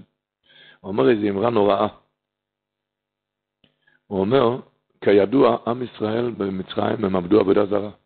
משה רבנו כתוב, ויקרא משה לבני ישראל אמור, משכו וקחו לכם צאן, מה אומרים חז"ל? משכו ידיכם מעבודה זרה. הוא אומר, בחודש ניסן בפרט, הם עבדו ל... לתלה, כי מזל, מזל ניסן זה תלה, זה היה עבודה זרה שלהם. וכלל ישראל נסחבו אחריהם. עם ישראל עשו תשובה מאהבה, זדונות נעשה לא כזכויות. אז העבודה זרה נהפך לקורבן פסח. אז הוא אומר ככה, אומר עכשיו סופר, הקדוש ברוך אמר למשה ואהרון, החודש הזה לכם ראש חודשים, ראשון הוא לכם, אצלכם, זו הפעם הראשונה שמקריבים קורבן פסח. אבל העם ישראל כבר הקריבו מזמן, כי הם עשו תשובה, אז הכל נהפך לקורבנות פסחים. אחר כך אומר, דברו אל כל עדת ישראל למו ויקחו להם, זה אצלהם זה לא פעם הראשונה. למה? כי יהודי חוזר בתשובה, אז כל העבודה, הכזית נבלה נהפך לכזית קורבן פסח. אתם מבינים מה זה? יהודי חוזר תשובה מאהבה. מה נהפך? כי יהודי חוזר תשובה מאהבה. אז ממילא, אז בפרשת השבוע כתוב אדם כי יקריב מכם קורבן לשם. אומר החתם סופר, אדם כי יקריב מכם, מקריב מהלב שלו, העיניים, הפה, mm, סוגר את הפה, סוגר את העיניים כשקשה לו. מכם זה קורבן לשם. והחתם סופר, מן הבקר ומן הצאן, זה תקריבו קורבנכם, זה קורבן שלכם. נורא נוראות. היום בזמן הזה יהודי רוצה להקריב קורבן. אין לי קורבן, איפה? אני רוצה היום ריח ניחוח לשם. אומר לך, אתה מסופר, יש לך היום הרבה יותר. אדם כי יקריב מכם, מהלב שלך, העיניים, הפה, סוגר, קשה. זה קורבן לשם. מן הבהמה, מן הבקר, מן הצאן, תקריבו את קורבנכם, זה קורבן שלכם. כי אם אתם יודעים, מדייקים, שמכם לא כתוב, כתוב אדם כי יקריב, אדם כי יקריב מכם קורבן לשם. אז היה צריך להיות כתוב אדם מכם כי יקריב קורבן לשם. מה זה אדם כי יקריב מכם קורבן לשם? מחר בבוקר תקראו בתורה, אתם תראו. מה, מה פירוש אדם כי יקריב מכם קורבן לשם? היה צריך להיות כתוב אדם מכם כי יקריב קורבן לשם. אומר אדם סופר לא. אדם כי יקריב מכם, תקריב משהו מעצמך. איי איי איי איי איי מעצמך.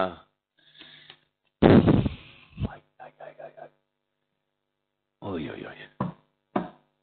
איך אומר הבאר מים חיים, אדם כי יקריב מכם קורבן לשם מן הבהמה. יש דברים, הגמרא אומרת בחגיג, יש שלושה דברים בן אדם ש... נדמ... ד... שווה למלאך, שלושה דברים הוא שווה לבהמה. תביא לי מהבהמה, הקדוש ברוך הוא, מהחלק הבהמה שלך. אדם כי יקריב מכם קורבן לשם הבהמה.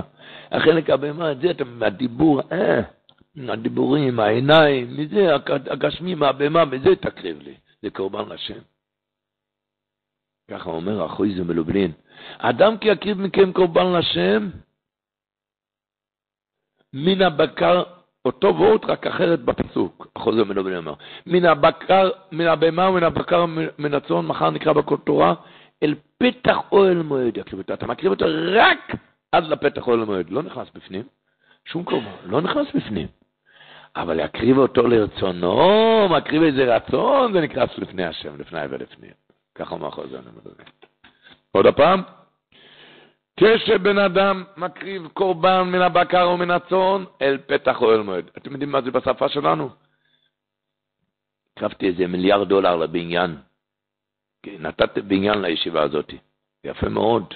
זה קורבן ממש ריח ניחוח אל פתח אוהל מועד, עד לפתח. להקריב אותו לרצונו, איזה שמירת עיניים, שמירת הפה, ותרנות, זה לפני השם נכנס לפני ולפנים. כל אלו שבנו בניינים, שיבנו הלאה עוד בניינים. זה לא מספיק, לישיבות, ודאי. אבל לדעת, אבל בן אדם מקנא בו, למה אני לא יכול לקרב דווקא כזה בניין? בא חתם סופר ואומר, אתה יכול להקריב בניין יותר גדול. לרצונו זה נכנס לפני השם, לפני ולפנים. אל תשאל מה נשתנה. כל אחד יכול.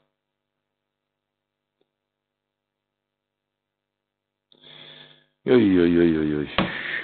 אוי אוי אוי, אומר החידושי ערים וירדי גבעות.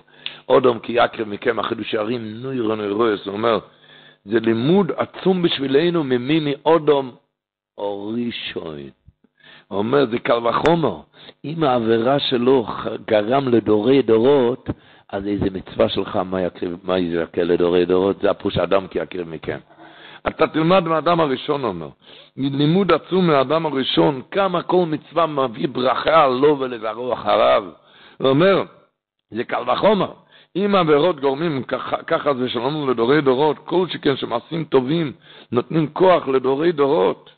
כל דבר, כל דבר שאתה מקריב, קורבן לשם. קורבן לשם.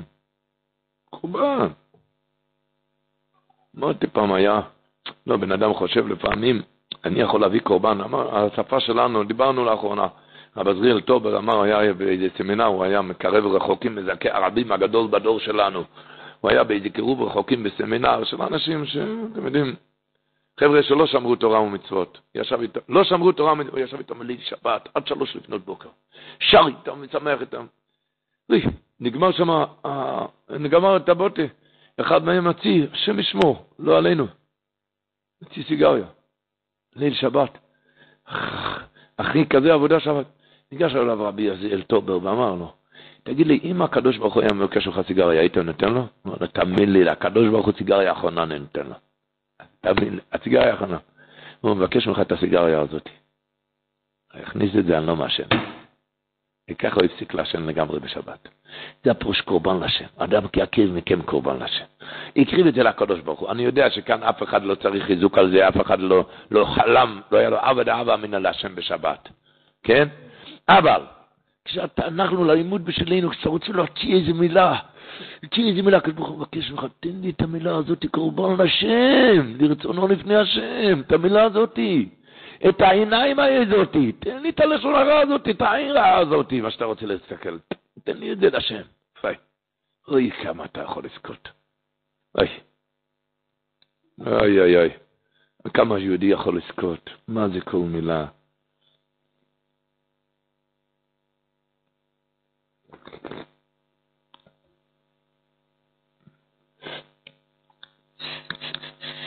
מה זה כל מילה של יהודי?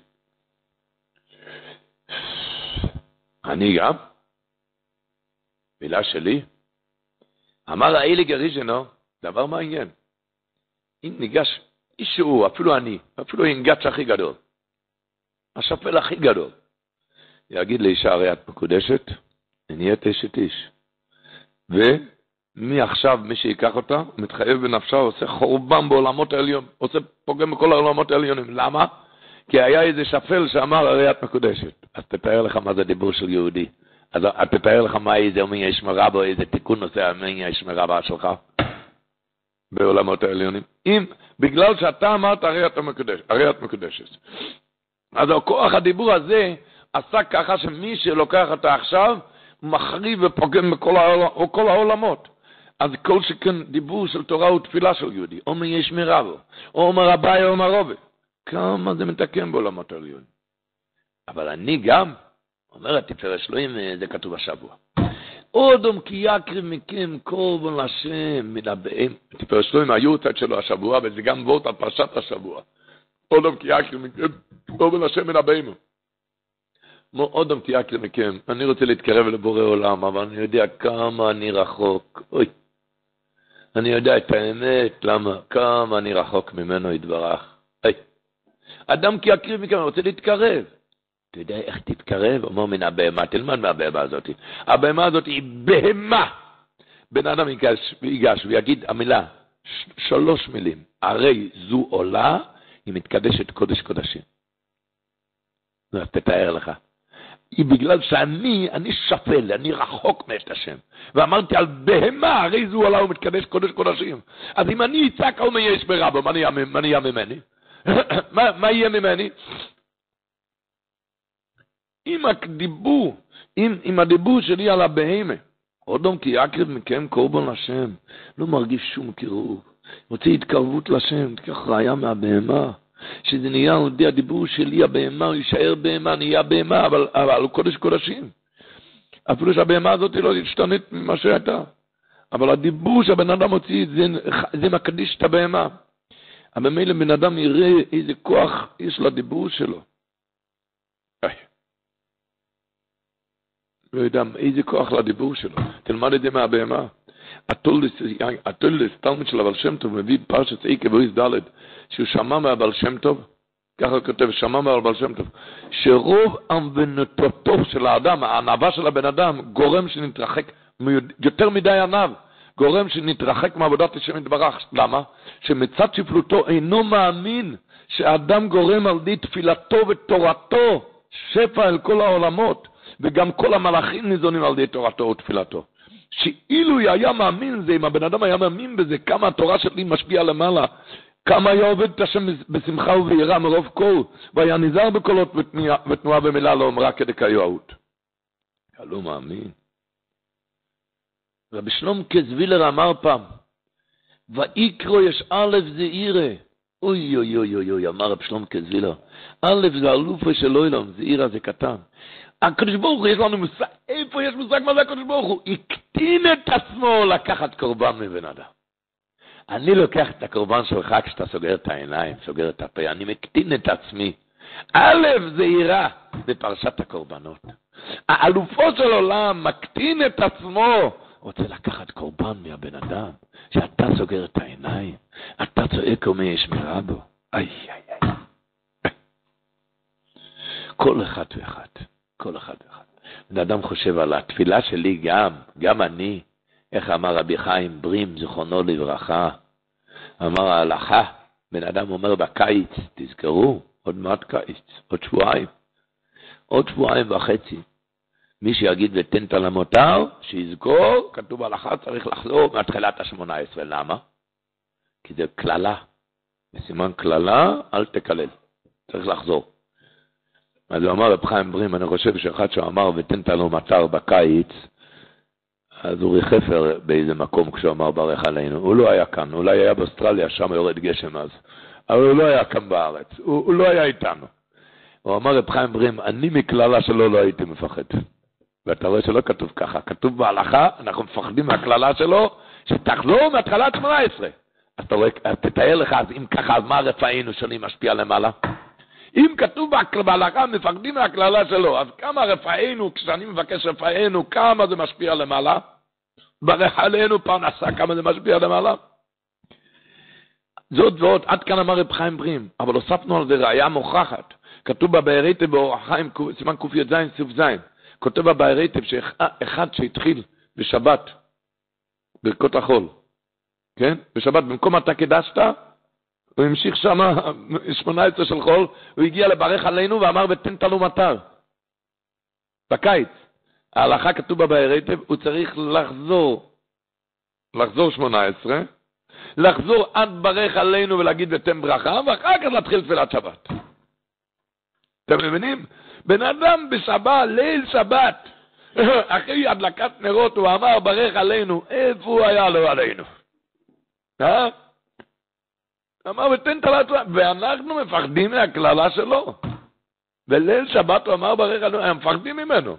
נו, תתאר לך, אז אם אני מבקש רפאנו, אם אני מבקש ידיד נפש ורחמון, כמה בן אדם מתקרב לבורא עולם?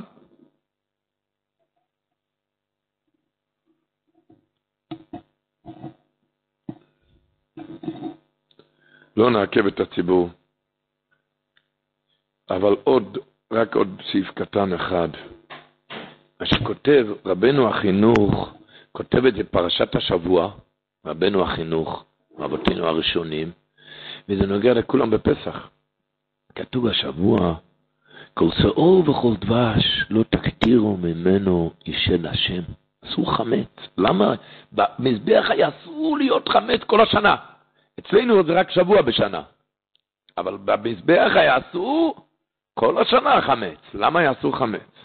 אומר רבנו החינוך, בזה הלשון קודשו. חמץ זה הרי נהיה בש... נעשה בשהייה גדולה, נכון? אסור חמץ כי זה נהיה בשהייה, ויהודי צריך להיות זריז בעבודת השם. זריז. זריז. בעבודת השם להיות זריז. אז הלשון של החינוך, רבנו החינוך, על כן, בהרחיק החמץ שהוא נעשה בשהייה גדולה, ייקח דמיון לקנות מידת הזריזות והקלות והמהירות במעשה השם ברוך הוא. אל תהיה זריז. כמו שאמרו זיכרונו לברכה, הביא קל קנה שרץ כצבי גיבור כארי לעשות רצון אביך שבשמיים, ואכן מצינו בדברי חז"ל שלמדו מהפסוק, ושמעתם את המצות. היה רב דוד פוברסקי, הרי עיקר הזריזות, אספסמס היה אומר, שלומדים זריזים מקדימים למצוות, מאיפה לומדים? הגמרא לומדת מהפסוק בהשכם אברהם בבוקר. אמר הספסמס, כי עיקר הזריזות, עיקר הזריזות זה כשקמים מהשינה. כל אחד מבין, אה? מסופר רב דוד פוברצקי, הוא כבר היה בשעה אחת בישיבה, אחד, אחד וחצי, אה? גם? היה באחד וחצי בישיבה. אז איזה בוקר אחד הוא אמר לזה שהתלווה אליו, אמר, אמר, דר אלתר הקים את נפרי. האלתר הזה, מי זה, אלתר זה הזקן. הזקן היה אצלי היום בבוקר. עכשיו, אז הבחור הבין איזה גילוי נשגב היה כאן, האלתר זה הסבא, הוא הסבא מסלבודקה, הוא הסבא מקלם, שאלתו על איזה סבא הוא מדבר. לא, לא, לא, על הזקן המדבר, לא הסבא, הזקן, המלך זקן הוא כסיל. היצר הרע, המלך זקן. הוא שאל אותו, למה הגיע? הוא אמר לי, על כל הראש והוא רצה, הוא רצה עוד חמש דקות, חמש דקות במיטה.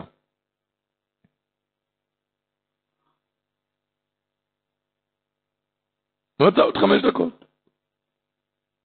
אז אמר לו מיד רב דוד פברסקי לבחור, אמר, כל המלחמה שלי זה רק על החמש דקות האלו, אז אני, אני אוותר לו את זה? אם אני אוותר לו את החמש דקות, מחר הוא יבקש עשר דקות. רב זלמן בריזל היה מנקיי הדת שבירושלים. מישהו אמר לי, שכן שלו, שמצא אותו פעם בשלוש בלילה, גם היה בשלוש, כבר היה בחוץ, הלך ללמוד, על ועל הווידה. אז אמר לו, ורב זלמן היה מחוייך מאוד שמח, אז אמר לו, אמר לו גם אותו דבר, הוא היה לי עכשיו אורח, מי? היצר הוא היה אצלי עכשיו. אמר לי, זלמן, קור גדול בחוץ, אתה בגיל 90, אתה זקן בה בימים, אתה צריך להיזהר, זה, זה לא צחוק, זה קור בחוץ, אתה צריך להיזהר. צריכים לה... זה, זה קר קור גדול, אתה זקן בה בימים. אז אני אומר לכם, אז הוא אמר לי, אתה צריך להיות מכוסה תחת השמיכה. אז אני אמרתי לו מיד, טוב מאוד, הרע, אני, אתה תישאר כאן כמו עוד קר בחוץ, חיסיתי אותו בשמיכה, תישאר כאן כל היום, אל תוציא את הראש שלך, תתן לי, הנח לי לנפשי, תן לי לעבוד בורי במנוחה נכונה, וזהו, זהו, ככה התפטרתי ממנו. אמרתי לו, קר, קר בחוץ, תישאר קר, חיסיתי אותו עם השמיכה. מה שמישהו אמר פעם, לילה אחד נקי הדת שבירושלים, קראו לו רב יצחק פריינט. הוא למד איתו לפנות בוקר, בחמש שמינות בוקר, הוא מצא אותו פעם על הרצפה. שאל אותו, מה קרה? הוא אמר, יצרו התחיל עם הסיפורים שלו, שאסור לי לחד, לצאת, כי קר ואני זקן. אז אמרתי לו, אני אתווכח איתך, לא על המיטה, רק על הרצפה. לא מהמיטה. ככה זה עצה טובה כמו משהו, אסור להתפלפל איתו שם. הדבר ראשון, אסור להתפלפל, כי זה לפני פרקס התואר, אסור לומדס עכשיו. אבל אז אמר לו, אני, אני, אני, אני אתפלל איתך לא במיטה, אבל לא היה לי כוח לקום, אמר לו רבו חיצריק פריינד, אז הפלתי את עצמי על הרצפה. משם יש לי כבר כוח לקום. אתם יודעים, הרב אחטפגל נכנס פעם לישיבה, הרב אחטפגל, הוא אמר שהיום בבוקר הזדמן לעצמו פדיון שבויים, והשבויים לא רצו להיפדות. לפני התפילה, הוא נכנס לפנימייה, היה שם כמה בחורים משנים. רצה להוציא אותם מהשבי, זה לא הלך, הם לא רוצים להיפדות. ניסיתי לפדות אותם ולא הצלחתי. לדעת מה זה בזריזות, מה זה... המהר"ל כותב, וחזקת והיית לאיש, כך אמר דוד המלך לשלמה המלך. אומר המהר"ל, מה זה? הכוונה שירגיל את עצמו במידת הזריזות, זה הפירוש והיית לאיש. אומר המהר"ל, זה לשון המהר"ל, ודבר זה ידוע כי נקרא איש כאשר הוא זריז. זאת אומרת, אחד שלא זריז הוא לא בגדר איש. כי נקרא איש כאשר הוא זריז, ככה אומר המהר"ל. הוא כותב שמה, לשון נורא, המתעצל נחשב כמי שאינו בעולם כלל. זה לא, לא, כי ככה אומר רש"י גם, רש"י אומר על הפסוק בן איש חי. מה פירוש בן, זה פסוק בדברי היום עם א', פרק י"א. פסוק כ"ב. בן איש חי, אומר רש"י, כי כן מנהג בני אדם, כשרואים אדם, אדם זריז, אומרים זה כולו חי. זה פירוש בן איש חי. הוא חי, זריז. כך אומר רש"י, כי כן מנהג בני אדם, כשרואים אדם זריז, אומרים זה כולו חי. ככה רש"י אומר גם על הפסוק שמואל א' ק"ה, פסוק ו' כתוב, אמרתם כל. הוא אומר, כן ראוי לאיש חי, לאיש זריז וחשוב. זאת ועוד כתוב, שעל מצווה, שכר מצווה באי על מלכה. על זריזות לדבר מצווה יש שכר בעולם הזה. על הזריז. וזה מסביר ברג'אן הרוב, כתוב, על כן גמרו המשלים, הגמרא אומרת בבבא עין חס, על כן יאמר המושלים בואו חשבון, תיבנה ותקנן עיר סיחון.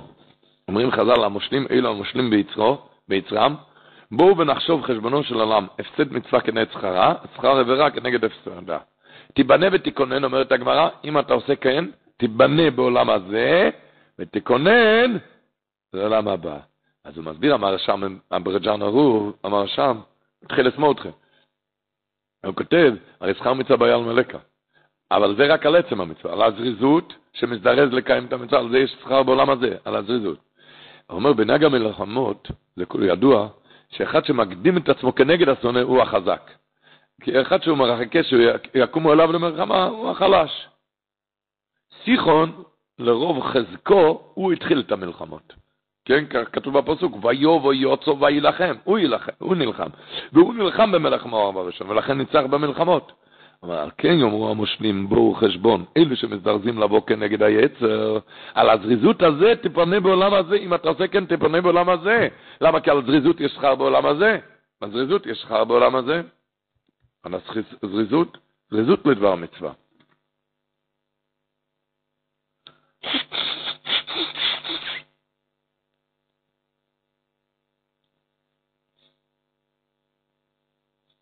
זריזות לדבר מצווה. נסיים באיזה וורט, אומרים, יש, שואלים, היום אנו אומרים את תנתא למטר, נכון? למה, למה לא מתחילים את תנתא למטר רק בזין מר חשוון? למה רק בזין מר חשוון מתחילים? כדי שיגיע האחרון שבישראל לנהר פרת, מה פירוש? כי עולי רגלים חוזרים הביתה, ואלו האחרונים יגיעו לנהר פרת שלא יהיה להם גשם על הראש. אז שואלים אם ככה, נו, היו צריכים עכשיו כבר להפסיק להגיד לבסנטה למטר, כי אלו שיצאו לירושלים להקריב קורבן פסח, להקריב את הקורבנות, אז יהיה שלא יהיה להם גשם על הראש. אלו שיוצאים עכשיו, כמו שאתה דואג עליהם בחזור, אז למה אתה דואג בהתחלה? יש על זה הרבה תירוצים. יש הרבה שאומרים שעכשיו הולכים עם מעיל ועם מטריה. בקיץ כשחוזרים מסוכות, לא חוזרים עם מטריה ומעיל. אבל יש מסברים פשוט. כשאתה חוזר מהבית המקדש, פחדנו הגשם שלא יצייר אותך. אחד שהוא על הדרך לבית המקדש, לא חושב על גשם, לא חושב על דברים האלה. הולך להקריב קורבן פסח, הולך להתכונן לחודש ניסן. לא, לא, לא, לא, לא מטריד אותו זוטות כאלו, זוטות כאלו. ממילא אפשר להמשיך להתפלל לטינטה למטר. אפילו יש אלו שיצאו לו מהבית, לעיר הקודש והמקדוש, כל דתו ומחשבתו עכשיו זה נתונים ברגשי קודש. הולכים להיראות בבית הגודל והקודש, שכל עם ישראל מקווה שעוד השנה נזכה לאכול מן הפסחים, מן הזבחים ומן הפסחים, בבניין בית המקדש במהרה בימינו, אמן. עולם שלם של תוכן מחכה לך בכל הלשון, 03 617 1111